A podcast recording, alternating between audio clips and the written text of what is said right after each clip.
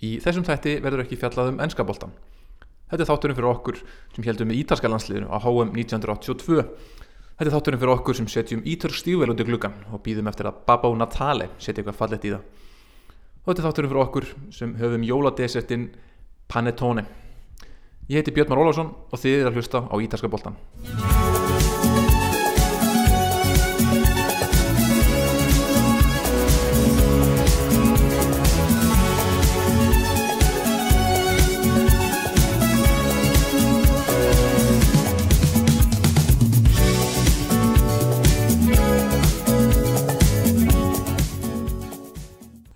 Já, verið velkomin í þennan áttunda þátt ítalska boltans. Það er sem fyrir Origo, upplýsingatekni Risin Origo sem er með mér í þessum þætti og ef þú ert með fyrirtæki og hefur áhyggjur af annars konar veirum en COVID-19 farið þá á origo.is og vantaðu örgismat, ekki lendi í tölvu veirunni ofan á COVID-19 við erum fullt í fangi með hana.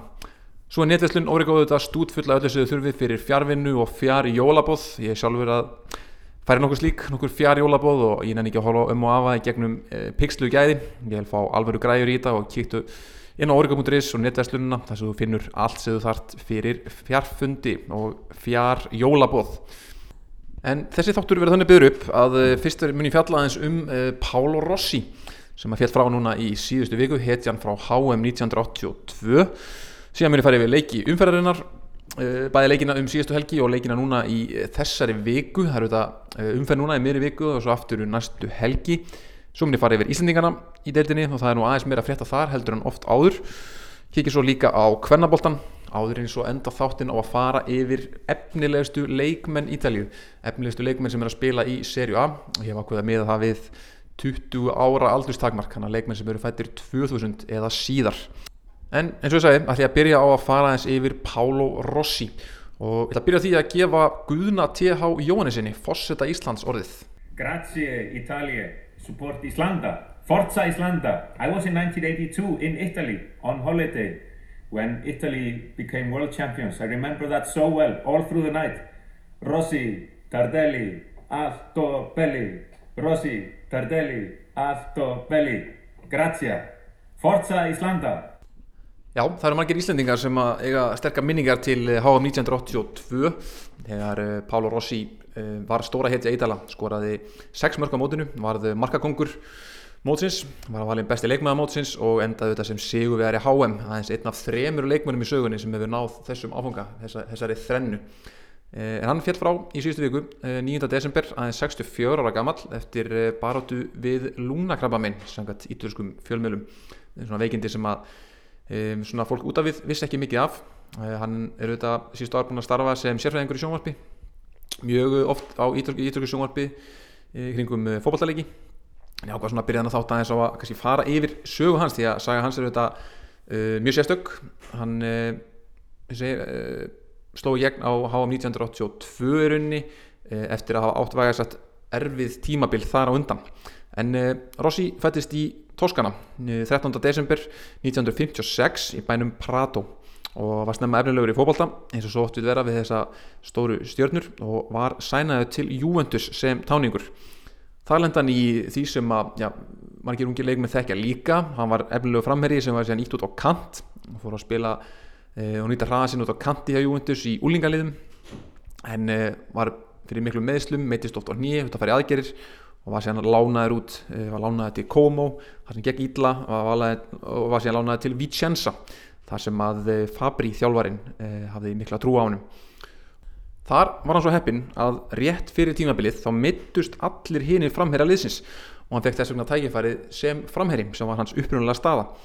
Og í bjödeldinni með Vicenza skoraði hann uh, ótrúlegu 21 mörg og kom liðinu upp um deild og uh, hann var áfram lánaður uh, til Vicenza í serju A og á sinu fyrsta tímabili í aðeldinni skoraði hann 24 mörg þegar Vicenza nýlegari deildinni enduði í öðru sæti í serju A. Hann var þannig markakongur í serju B og serju A satt, e, tvö ár í röð.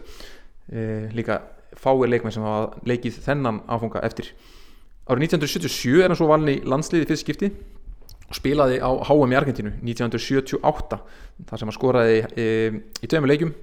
Hann spilaði að frammi með Kausio á vinstrikanti og Bettega á hærikanti eins og einhverjir muna eftir. En Ítalija datt sér hann út gegn hollendingum. Og hann fekk silfurskóin á mótinu með uh, þrjú mörg uh, lendi þára eftir Mario Kempes auðvitað, hetjunni.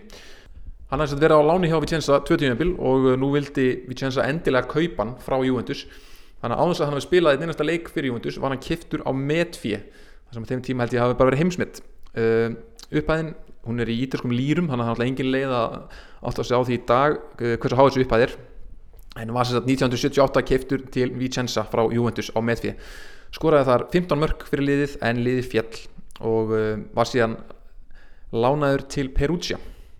Og það var eiginlega þar sem fór að hallundar fæti því að þar átti sér auðvitað stað skandal sem í dag er oft kallaður Totonero skandalin en Totonero þýðir í raunni uh, veðmálastarðsemi eða ólögleg veðmálastarðsemi Það var þetta þannig þessum tíma að Ítalska ríki var með engarétt á eh, veðmálum voru með hérna, ítalsku lengjuna eins og maður segja, það sem var þetta veði á leiki. En uh, það var mikið svartamarkaðsbrask og hérna, mafían sérstaklega áhrifða mikil þegar koma því að, um, að gefa stula og lega fyrir fólki að veðja og það sem varð kveikjan að þessum Totonero skandal voru tveir óþægtir rómverjar. Það voru tveir sérstaklega latsjóstunismenn sem áttu veitingastað í Rómaborg og uh, á þessum veitingastað fengur oft til sín leikmenn Lazio. Það var svo vinsa staður og þeir Lazio menni vildu oft borðar og uh, þeir fór að pæli því hvernig þið gáttu nú grætt aðeins á því að vera með þessa Lazio leikmenn hjá sér. Á þessum tíma var að mjög vinsalt að veðja á, hérna, á svartamarkanum uh, ólögulega og uh, þeir fengur þá hugmynd að borga leikmennu Lazio fyrir að gefa leiki. Leiki sem sér skiptu minna eða engum máli og þeir fóru að gera það og grættu það mikla peninga. Og þessum tíma var eins ótrúið og vil hljóma uh, ekki bannað á Ítalíu svo kallt lögum að uh, gefa leiki, að gera upp leiki. Uh, það var ekki bannað fyrir en á nýjunda áratögnum af einhverju ástæði en Lazio leikmennir þeir hlýttu og fengur borgað fyrir að leggjast í leikum, gefa leiki. Og áður en Lazio leikmennir þetta föttuðu að þeir þurftu síðan engan millimann til þess að græða ennþá meiri penning sjálfur þá töluðu þeir bara sjálfur við mafíuna og ákvaðu hvaða leiki þeir átt að gefa hvaða leik, í hvaða leikjum þeir átt að leggjast og sjá til þess að liði myndi tapa leikjum.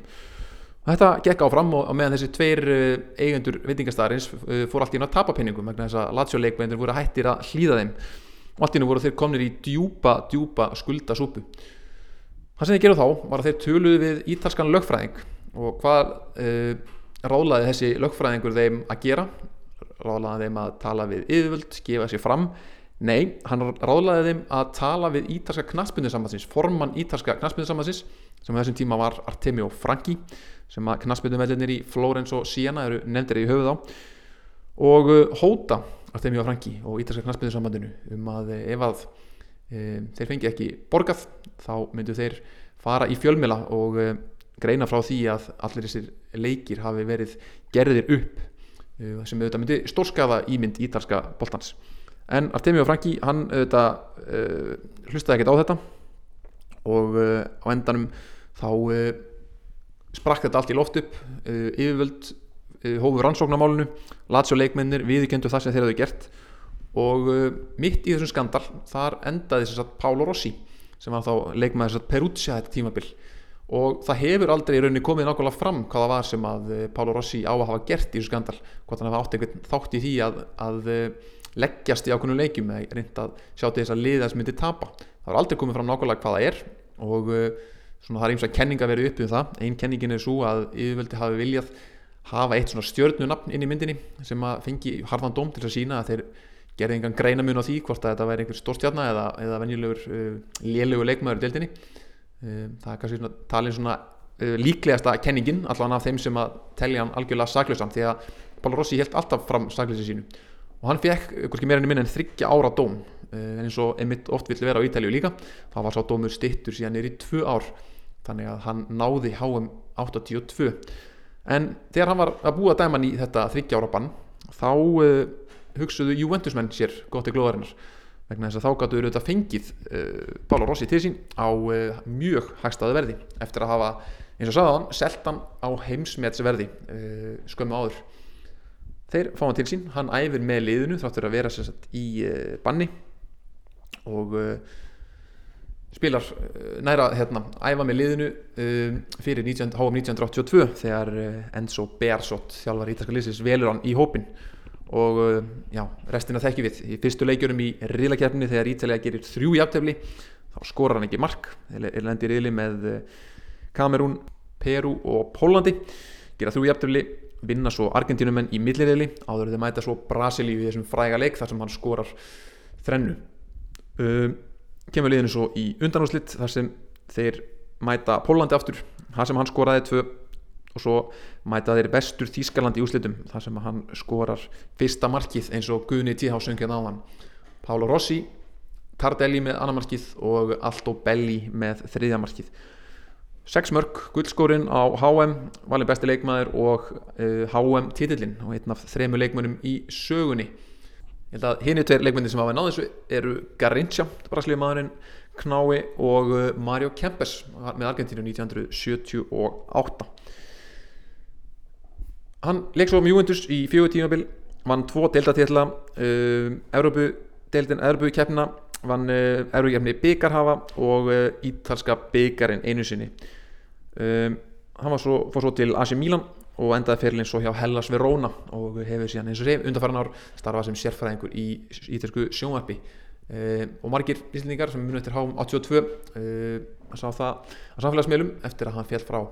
Pálo Rossi var svo gerðaði fyrir nokkrum dögum síðan og uh, svo gerðafur rataði svo í fréttinnar vegna þess að á sama tíma á gerðafurinu stóð þá var brotist inn á heimili fjölskyldans.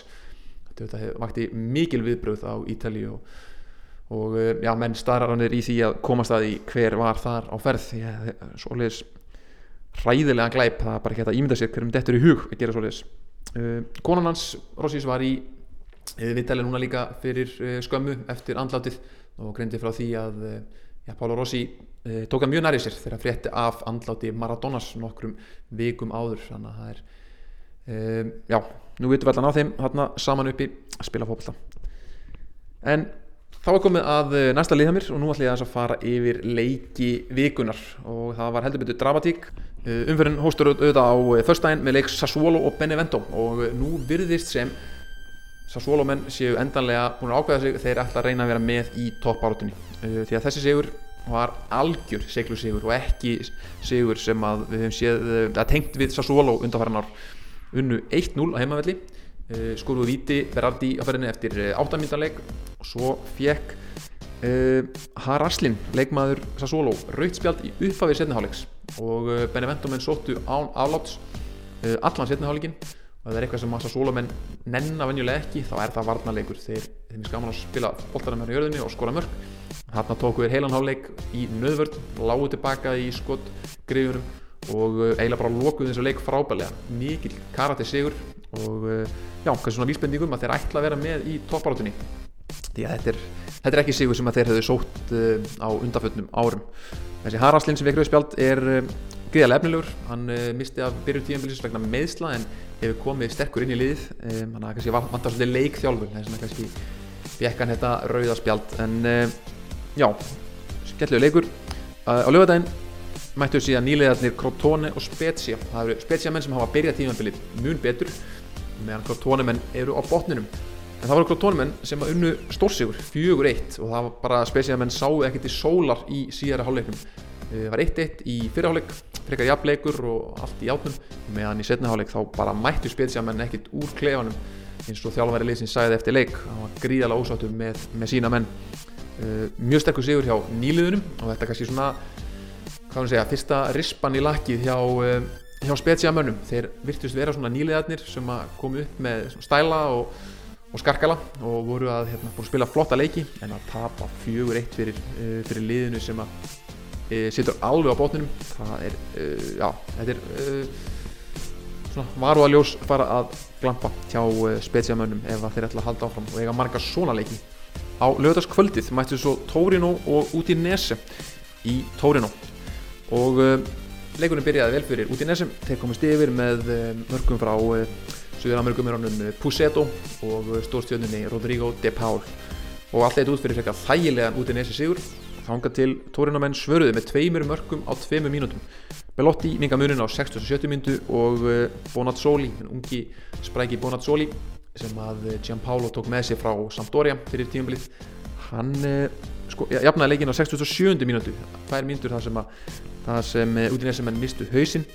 En þeir mistu hausinn ekki meira en það að þeir náðu sín að setja sigur markið og það var að ferðinni Norður Makedónin Ilja Nestorovski sem að við Íslandingar fáum að kynna sennilega á næsta ári.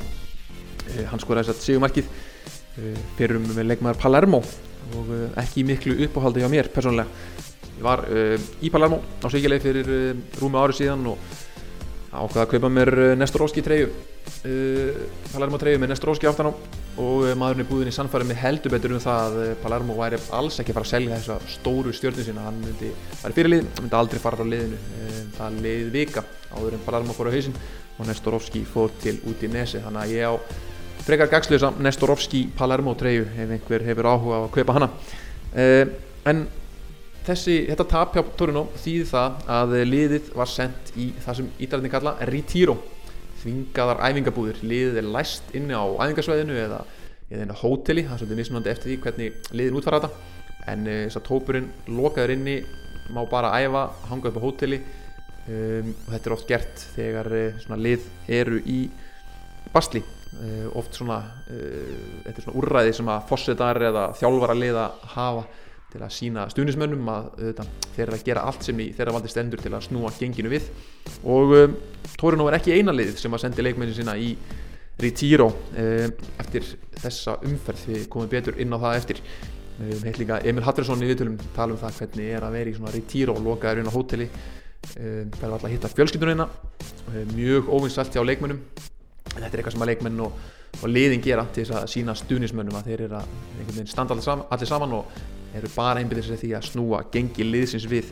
Enn eitt svekkjandi tapið fyrir Tórino fengur sér þetta á sig sígu markið á mjög seint í leiknum eins og þeirra er von að vísa. Þetta mjögum eftir bæði Juventus leiknum og, og Lazio leiknum fyrir á tímanbylnu nú á uh, lögudaginn uh, mættist líka Lazio og Hellas Verona þar sem að Hellas Verona vann sterkan 2-1 út í sigur uh, Filipe Caicedo supersöpinn hjá Lazio hann byrjaði leikin og skoraði sem að kemur svolítið óvart en Hellas Verona snýri leiknum við fyrst með sjálfsmarki frá Lazzari og uh, síðan var það ungi leikmæðurinn Adrian Tamese sem skoraði sigumarkið fyrir Hellas Verona.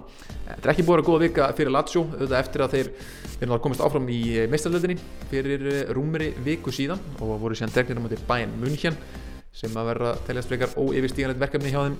En já, tapa síðan fyrir Hellas Verona og uh, nú í gær þá mætti Lazio síðan Benevento þar sem að uh, Filippo Inzaghi, þjálfari Benevento og uh, Simone Inzaghi, þjálfari Lazio skiptu stigunum bróðulega á milli sín 1-1 um, þannig að já, þetta eru 5 töpu stig hjá Lazio á, í þessum tveimur leikum þessari viku. Og sunnudaginn voru aðeins stærri leikir. Þar mætti í hátteginu Cagliari Inter og uh, það vakti aðtegli að uh, Kristján Eriksson, Danin, sem hefur alltaf mikið mínútur á þessu tímabili, hefur alveg fengið að hoppina á öllin á í uppbúta tíma hann fikk startið undir uh, Antonio Contes og spilaði ekkert sérstaklega vel. Það var ekkert sérstaklega slagur það var skipta velli eftir 57 mínútur og leiti ekkert út fyrir að vera sérstaklega hafmyggjusamur þegar hann röldi af vellinum. Cagliari lendi undir. Þáttu fyrir að Inter hafa kannski verið betri aðlinn Inter áttu stórskotarhýð á mark Cagliari en uh, Alessio Cranjo, markmaður uh, Cagliari uh, hefur auðvitað verið í ítalska landsliðinu undanfarið. Hann áttu stórleik og fjölmjölar á Ítalíu eru fættir að tala um Luomo Cranjo sem er þá tilvísun í annan stóran markmann sem er auðvitað Walter Senga sem á sínum tíma var kallaður Uomo Ranjo sem að þýðir kongulóamaðurinn og Kranjó Arnarsson Kongulóða maður í marki varði eins og berserkur og held Cagliari inn í leiknum og Cagliari komst yfir í fyrirháleik en Inter sem að spili þessu leik með fjóramannavarnarinu sem er breyting á því sem áður hefur verið hjá Conte þeir snýru leiknum við og það gerðu þeir reyndar með spilamennsku sinni, þeir voru betri aðalinn en þeir skoruðu mörkin úr aðal og föstum leikatriðum áður en Lukaku skoraði skindisóknarmark undir lókleik sem þeir bara í uppbóta tíma og það eru fyrstu leikadriðin sem er að reynast yndir vel. En þannig er oft seglulegin ná að seglinn sigurum með fyrstum leikadriðum um, er líka aðdegli á Cagliari að uh, Maitan Nandes, miðjumæðurinn, spilaði ekki eða hann kom inn á í leiknum, byrjaði ekki eh, og eh, í ítalsku fjölmjölum hefur mikið verið talað um mikilvægi hans. Hann hefur verið orðaðið mikið við eh, Róma leikmæður sem minnir svolítið á Raja Nainggolan, mjög kraftmikill miðjumæður sem getur leist marga stöður uh, góða varnarlega en er líka mjög, með mjög góða lappir. Ha, eh, þegar hann spilar þá vinnur Cagliari eða gerir næri jafntöfli en alltaf þegar hann spilar ekki þá tapar Cagliari. Og uh, Þannig að þetta er kannski eitt svona mikilvægsti leikmaður fyrir sitt lið í heit hann Nandes, frábæleikmaður á sundaginn mættu svo Atalanta og Fiorentina og þetta er farið að líta enn verð út fyrir Fiorentina heldur en uh, á undanfjöndum vikum ég veit áður búin að tala um hvað þetta lítur illa út hjá þeim. Uh, Frank Ribery er hættur lítur til svo góður leikmaður en uh, þeir steinláðu út í velli 3-0 gegn Atalanta. Og eftir leikin var tilkynnt að leikmenn Fiorentina væru líka sendir í Retiro, lokaðir inni á æfingarsvæðinu. Cesare Prandelli sagði sjálfur í Vitali að hann væri nú ekki sjálfur aðdáandi þess að senda leikmenn í svona þvingaðar æfingabúðir en hann segir, segir það að hann hlýðir stjórnfélagsins þannig að þetta er greinilega fósitinn eða yfirmaður íðutamála sem tók þessa ákvörðun að senda leikmenn Fiorentina í æfingabúðir.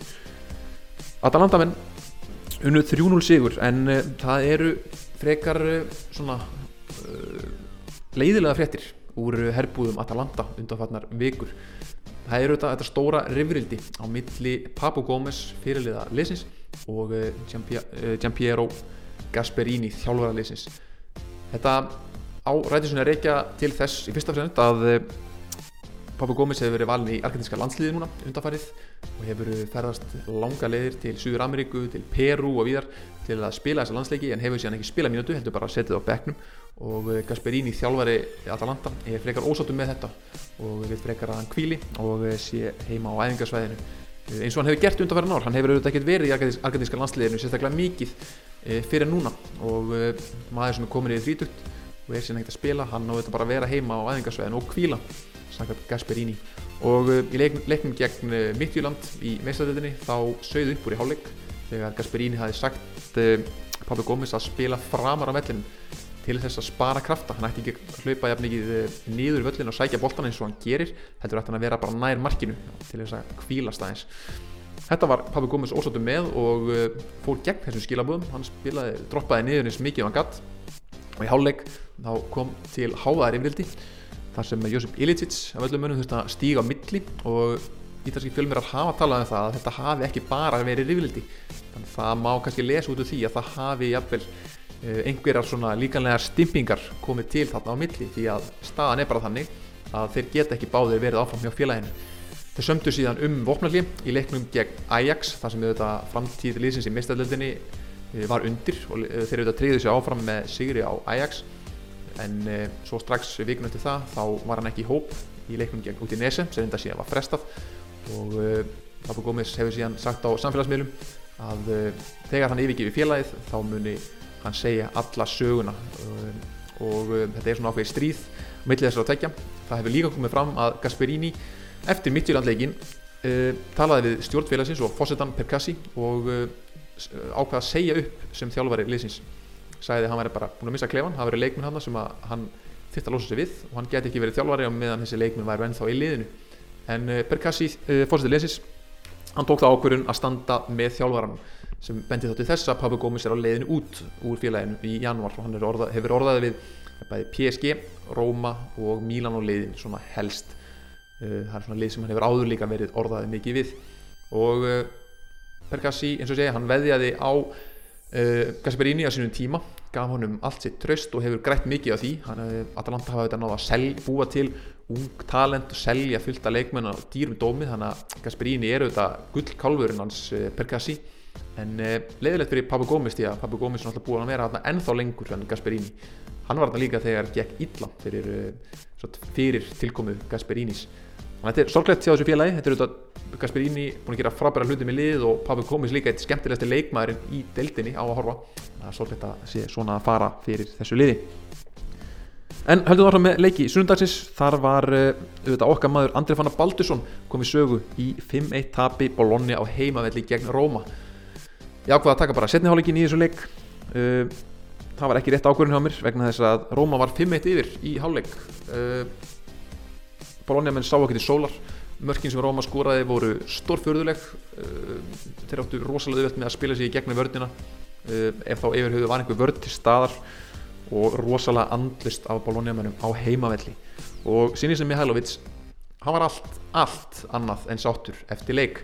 Hann er búin að vera svolítið ósáttur undanfærið hann á bladamannafundum daginn þá greint hann frá því að það veri leikmæri í hópnum sem vera alltaf að leka byrjunleginu og hann hafi verið að svona prófa að gefa upp vittlust byrjunarlið innan klefans til að reyna að koma að staði hver er að, hver er að snitsja í fjölmila þannig að það er greinlega einhver svona órói í klefanum og uh, svo mæti liðin að völlingi gróma og skiljar þessari framistöði en Andri Fannar hann kom inn á síðustu 20 mínútunar uh, fekk 5,5 í engun af uh, ítalskum fjölmjölum sem er nú bara meðalengun en það var staðan 5-1 og leikurinn tapaður þegar hann kemur inn á og, og bara skilaði svo sem bara sínu. Fekk þetta kannski óþára guldspjald en gaman hans ég allan að fara að spila. Og vonast til að sjá hann núna á næstunni. Og ef að byrjunarlið spilaði svona illa í þessum leik þá ja, hlýtur hann kannski gera tilkallt til þess að fá allan að tækifæri á, í, í næstu leikum og hvað gerði Mihailovic og Bologna eftir að þeir tapa 5-1 mútið Róma? Jú, þeir senda hópin sinn í Retiro. Þvingaðar æfingabúðir. Og hann sæði Mihailovic að þetta erðu þvingaðar æfingabúðir fram yfir jól. Þannig að það verði engin gleðileg jól í Emilia Romagna hér aði á Ítalju og við bara óskum andra fannari og, og Bologna mununum uh, gleðilegra jóla. Sundas eftirmiddaginn mætti svo Napoli og Sampdoria. Og uh, það var Napoli sem tók siglu sigur 2-1 eftir að hafa lend 1-0 undir. Uh, það var hann Jakob Jankto uh, tjekkinn sem kom Sampdoria yfir áður en Hirving Lozano Mexikóin jafnaði á Andrea Petagna stóri skriðdreikin upp á toppi á Napoli sem spilar á meðan Viktor Osimhen er mittur hann skoraði sigur markið þetta var siglu sigur hjá, um, hjá Napoli.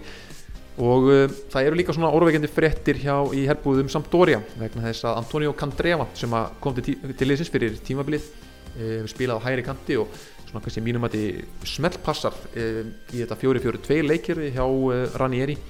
Hann og Ranieri eru orðnir óvinnir það skvettist eitthvað upp á vinskapin og framtíð Candreva er svona í lausu lofti.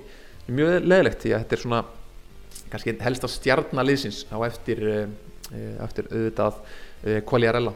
Fabio Quagliarella auðvitað fyrirliði og, og stórstjarnar en Candreva er svona já, kannski besti leikmaður liðsins og leikmaður sem þeir þurfa ef þeir ætla að halda sig fyrir ofan fallbaratuna í ár. Þannig að þetta var leiðilegt tap hjá Sampdoria svo á sunnundaginu mættust uh, Genoa og Juventus. Og uh, það var líka hansi aðeinsveit að Dybala skoraði lóksins eftir meirinn tíu leiki á þess að skora eitt einasta mark.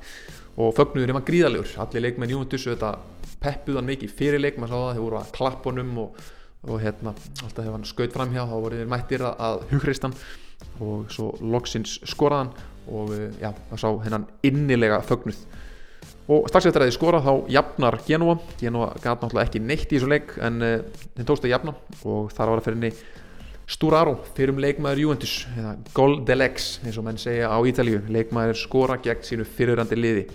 Þáttu að Genoa hafa alltaf farið við miðju á tímabili þá tókst þeim að skora. En þá var komið að Ronaldo og uh, hann skoraði á tegum vítum og uh, Juventus vann að lókum 3-1 mjög uh, verðskuldað kannski svolítið ósamfærandi í að skapa sér færi en já, þeir did the job. Dybala sjáði þessi eftir leikin eftir að hafa lóksinn skorað eftir, að, eftir þessa tíu leiki.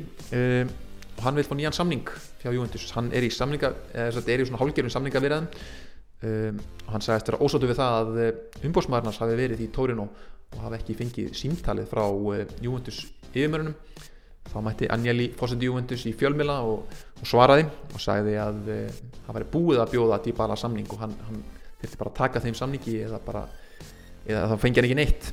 Og sagði að uh, hann væri í topp 20 leikmaður í Evrópu það væri ekki topp 5 leikmaður.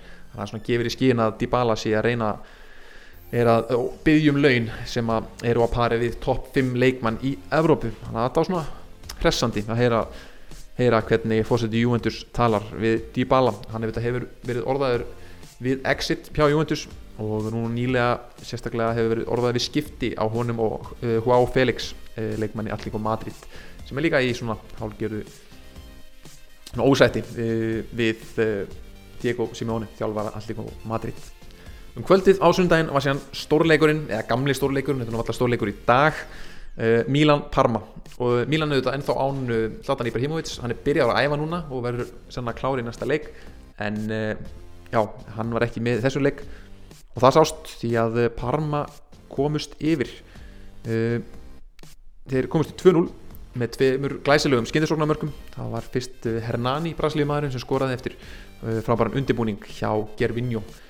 Gervinho tók og spólaði fram hjá ungum varnamanni hjá AC Milan AC Milan voru án Simon Kjær í leiknum og spiluði staðan með hinn unga Gabia í vörðinni og hann meittist þetta 5 mínútur þannig að hinn ennþá yngri Kia Tengwa sem er ungur frakki sem er leysis hann spilaði eiginlega allan leikin í miðverði. Og Gervinho fór svolítið illa með hann í, þarna, í þessu fyrsta marki Parma. En eftir það stóð hann sér mjög vel þessi ungi frakki.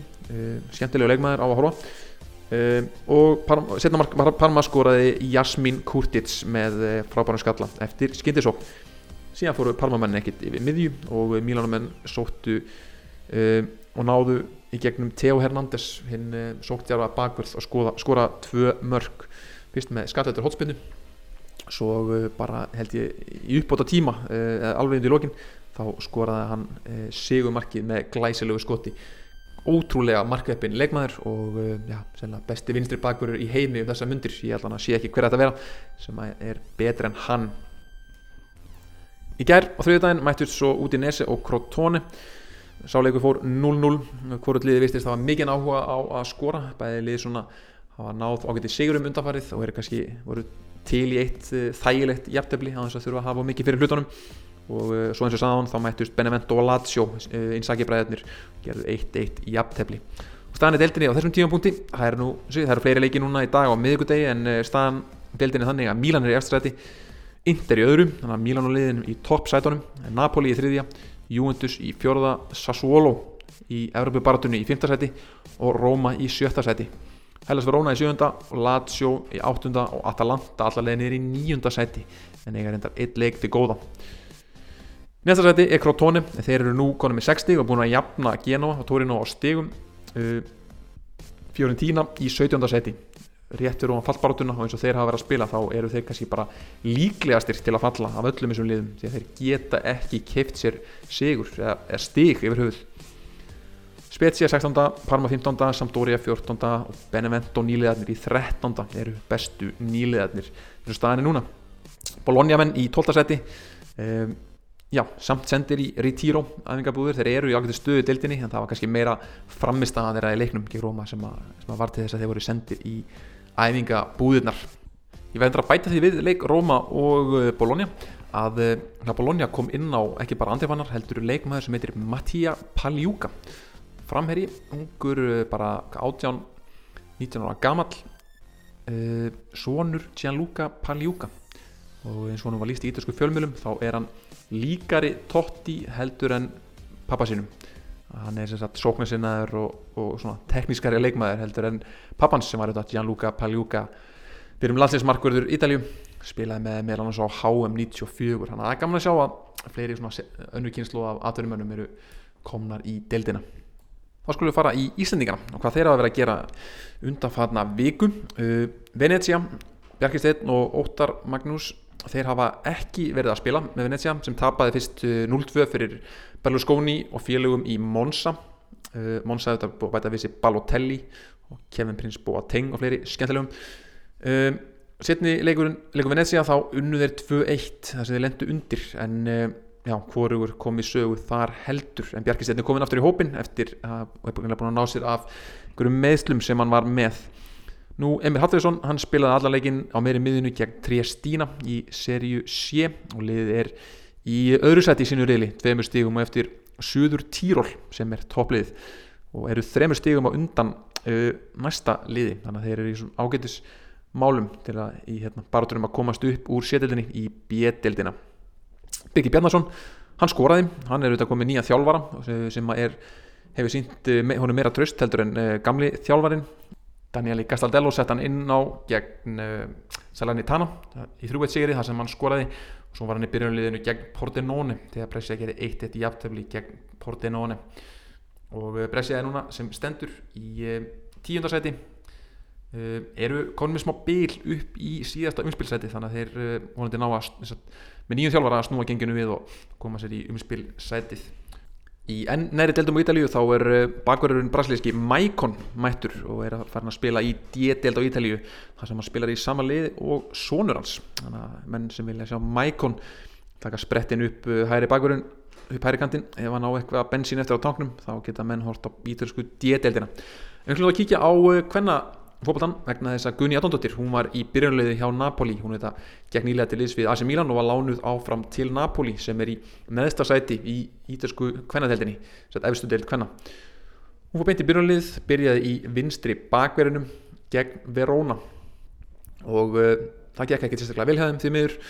Uh, hún eins og byrjaði vinstri bakverði leikurinn endaði 2-1 fyrir Hellas Verona uh, miðvörurinn uh, og uh, ja, leiðtói fyrirliði liðsins De Criscio hún uh, mittist í fyrirháleik og fór út af vellinum og þá fór Guðni í miðvörðin og endaði því að spila allan leikin um, og varnarina var svolítið út um allt það er ekkert að kenna hennur um þetta en svona hennar liðspilar hennar í vörninni voru ekkert að gera henni mikinn greiða þarna og þetta voru tvö svona frekar klaufaleg mörg sem þær fengu á sig og eru þá ennþá á botninum. Og þjálfari liðsins, hann, Giuseppe Marino hann er hættur með lið og komið nýr þjálfari Alessandro Pistolese sem er gammal reyndur þjálfari úr kvennaboltanum á Ítalíu. Við vonumst til þess að, hérna, að Gunni ná að snúa gengi Napoli við, ég held að hún fóði allavega tækifæri í, í vörnunni hjá Napoli því að ekki veitir af einhverjum breytingum og einhverju nýju og fesku og þeir sem vilja horfa á Gunni að spila þá eru allir leikir Napoli, þetta er bara síndir á YouTube. Þetta er eins einfalt og að gerist og ef við heldum að sáfram með ítursku kvennaliðin þá er Juventus á toppnum í deildinni eh, en Juventus er dottið út úr meistardeldinni það er töpuðu fyrir uh, Söribjörg og félögum í Lyon. Uh, töpuðu 3-2 á heimavelli kannski svona frekar ósangjart uh, Mark uh, Lyon fekk víti sem var gjössanlega glóðlust en töpuðu svo sannfærandi 3-0 á útivelli þetta var svona, svona eiginlega búið að meðan Fiorentina uh, hvernalið Fiorentina er komið áfram í meistardeldinni með sigri, ævintýrlega sigur á uh, Slavia Prag þar sem að Sigur Marki í setnilegnum kom á 97. mínútu og er það með eina ítalska liði sem er komið áfram í, e, í Európu keppni þetta árið Nú undir lógin þá ætlum ég að fara aðeins yfir e, listam, top 10 listam yfir e, það sem ég til að vera 10 efnilegustu leikmenna í serju A og þetta er svona leikmenn sem hafa verið að spila reglulega í serju A top 10 listi, ég ætla að byrja neðst og færa með sér upp í e, já, efnilegustu leikmennina. Og það líka skilir á þessum lista að leikmenn, þetta eru leikmenn sem eru fættir 2000 eða síðar þannig að þetta eru ekki leikmenn sem eru orðnir 21 ás og við byrjum þá í tíundarsæti og þar er ég með hægri bakverðin frá Torino, Vilfred Singh sem hefur komið inn núna í síðustu leikjum og byrjaði meðal annars derbíslægin gegn Juventus og hefur staðið sig frábælega bæði í vörð og sók þáttur að hafa mætt eins erfiðum anstæðingum og bara hugsast getur í Ronaldo og fleirum þá hefur hann staðið fyrir sínu líkanlega sterkur e, og líka klókur varnarlega, mjög klókar reyfingar og mjög sprækur sóknarlega líka. Hann að Vilfred Singh er í tíundarsæti í níundarsæti þá er ég með Hamed Traore miðjumann e, Sassuolo. Hann hefur ekki spila alveg mikið á þessu tíðanbílu og maður hefði viljað, ég held að sé hann hefði verið að klíma eins við meðsli hann er, þetta er bróðir, stóri bróðir uh, eins unga Traore sem er að fara til Manchester United frá Atalanta núna í, í januar uh, efnileg knastbyrnu fjölskylda en með Traore hefur þetta áður spilað heilt, heilt tímabil uh, á miðjunni hjá Empoli sínt uh, mjög flotta takta hann heitir þetta vera gríðalegt efni sem að svo svolamenn eiga rauninni alveg inni á þessu tímabili því hann hefur ekki verið að spila nægilega mikið ennþá. Í áttundarsæti er ég með danskan leikmann, Skandi, ekki eini skandinavinn á listanum, Mikkel Damskort, kantmaður Sampdoria sem kom til Sampdoria núna í janúar á þessu ári og hefur núna verið að spila og starta leiki undir Claudio Ranieri og hefur sínt gríðalega skemmtilega takta. Mjög sprækur, mjög óskandinaviskur í leikstíl sínum, mjög teknískur og getur tekið menn á einn á mot einum, mjög sterkur þeirri stöðu. Þannig að hann, dansk, Dani í áttundarsæti Sjöndarsæti er ég svo með Maras Kumbula miðvörð Róma sem að Róma er að kipta af Hellas Verona á um, freka mikla peninga uh, 20 miljonir eurur, eitthvað svoleiðis fyrir tímablið, hann sló í gegn með Verona í fyrra. Uh, hann er ættað frá Albaníu en hefur alltaf búið á Ítalju en hefur ákveðið að spila fyrir albanska landsliðið. Já, frábær miðvörður sem að hefur komið inn í lið Róma og jafnvel fengið að spila slatta þar. Uh, svona skerasta varnar stjarnar deildarinnar verður að segjast. Í uh, sjötta seti er ég svo með Sebastian Valukiewicz sem er miðverður Cagliari. Hann er pólskur kom frá Pólandi fyrir já, einu og hálfu ári síðan og var lánaði fyrst áfram út til pólsk liðs. Uh, búin að spila eila bara alla leiki Cagliari á tímabilinu í miðverðinum og verið gríðalega sterkur. 1.88 uh, fastu fyrir alvöru pólskur miður um, sem að já, verið vera gríðalega efnilegur og hann er líka að fá að læra uh, undir handleyslu Ragnar Klavans og Diego Godín og heila bara gerist ekki betra kombo til að læra aðfælja í uh, fymtasæti erum við svo með Nicolo Rovella og það er leikmaður miðmaður Geno sem að spilaði líka gegn Íslandingum í U21 árs landsliðinu. Rosalega góður á boltan uh, svona frekar lítill og mikil svona spjátrungur uh, mjór og ekki sérstaklega sterkur en vil alltaf fá boltan í lappir og er óhrættur við að fá boltan hvena sem er. Um, hann þarf að fínpúsa leikstíl sinn, kannski finna aðeins betru, betur stöðuna sem að hann á að halda. Uh, getur við svolítið viltur inn á milli en uh, mjög góður á boltan vil alltaf fá boltan nú í uh, fjórasæti erum við með Giacomo Raspadori framherja Sassuolo sem hefur spilað á þessu tímabili á kostnað frekar góðra leikmanna. Hefur meðal annars haldið Filip Djuricic út úr sinni helstu stöðu. Raspadori það að vera að spila svona ungur í undir stjórn uh, Roberto De Cerbis hjá Sassuolo sem eru með alla, alla þessa frábæra ungu efnilega leikmenn. Það er uh, mjög vel gert hjá hann hann, hann verður öruglega flottu leikmæður í framtíðinni. Í þriðarsæti er ég með Aron Hickey skoska vinstribækurinn í Bologna. Hefur uh, komið sér bara átjónuna gamall frá Skotlandi til Ítalju var eftirsóttur af meðal annars Bayern München og fleiri stórliðum og lappaði beint inn í byrjanlið þegar búin að byrja að flesta leiki hjá Bologna. Hefur verið átt bæði góða leiki og slæma en uh, það er lótrúlega að koma átjónana frá Breitlandsegjum og lappa inn í byrjanlið uh, þannig að það er mjög stert hjá honum. Aron Hickey í þriðarsæti í öðru sæti er ég síðan með Tonali miðjumann AC Milan sem er núna á lánið þetta frá Brescia. Og verður síðan kiftur á næsta ári til Milan. Uh, Milanumenn hafa verið að svona, koma um hægt og rólega inn í liði þegar ekkert verið að hendunum í djúbulauðin ennþá. Benacer er ennþá leikstundandi í AC Milan og hefur haldið þeirri stöðu en Tonali er svona ætlað að taka við þessu hlutverki. Það er þetta rosalega, rosalega gæði með hvað hann er ungur mjög þroskaðu leikmaður með þroskaðan leikstíl og um, já, líkist Pirlo eiginlega bara í öllum fösum leiksins. Uh, það kannski aðeins að bæta markaskorun við sín leik en, uh, og svona aðeins reynslu og, og staðsendingar í varnarleik en frábær leikmaður í fyrsta seti er ég með Dejan Kulusevski uh, svíjan sem að Júventus skefti frá, frá Atalanta sem hafi verið að láni frá hjá Parma á síðast tímbili slóð þar í gegnum að keftur til Júventus á 40 miljónir evra og er nánast orðin já, fastu byrjulegismæður í Júventus liðinu sem er kannski ekkert allir byggust við en uh, hann hefur einhvern veginn allt. Uh, hann er ekkert leikmaður sem að skapa endilega fyrirsagnir með skærum með einhverjum svona fannig tekni brellum en uh, rosalega fljótur sterkur, örugur á boltan markaði binn og einhvern veginn með mjög þroskaða ákvarðanatöku. Þannig að Dejan Kulusevski efnilegasti leikmaður í dörsku deildarinnar. Þannig að þetta var topp 10 listi þessara viku. Þetta er bara komið að lokum hérna hjá mér í dag. Við heimst áttur í næstu viku þar sem við munum gera upp þessa miðviku, miðviku umferð og auðvitað komandi umferð núna um helgina. En ég þakka fyrir mig, verið í sæl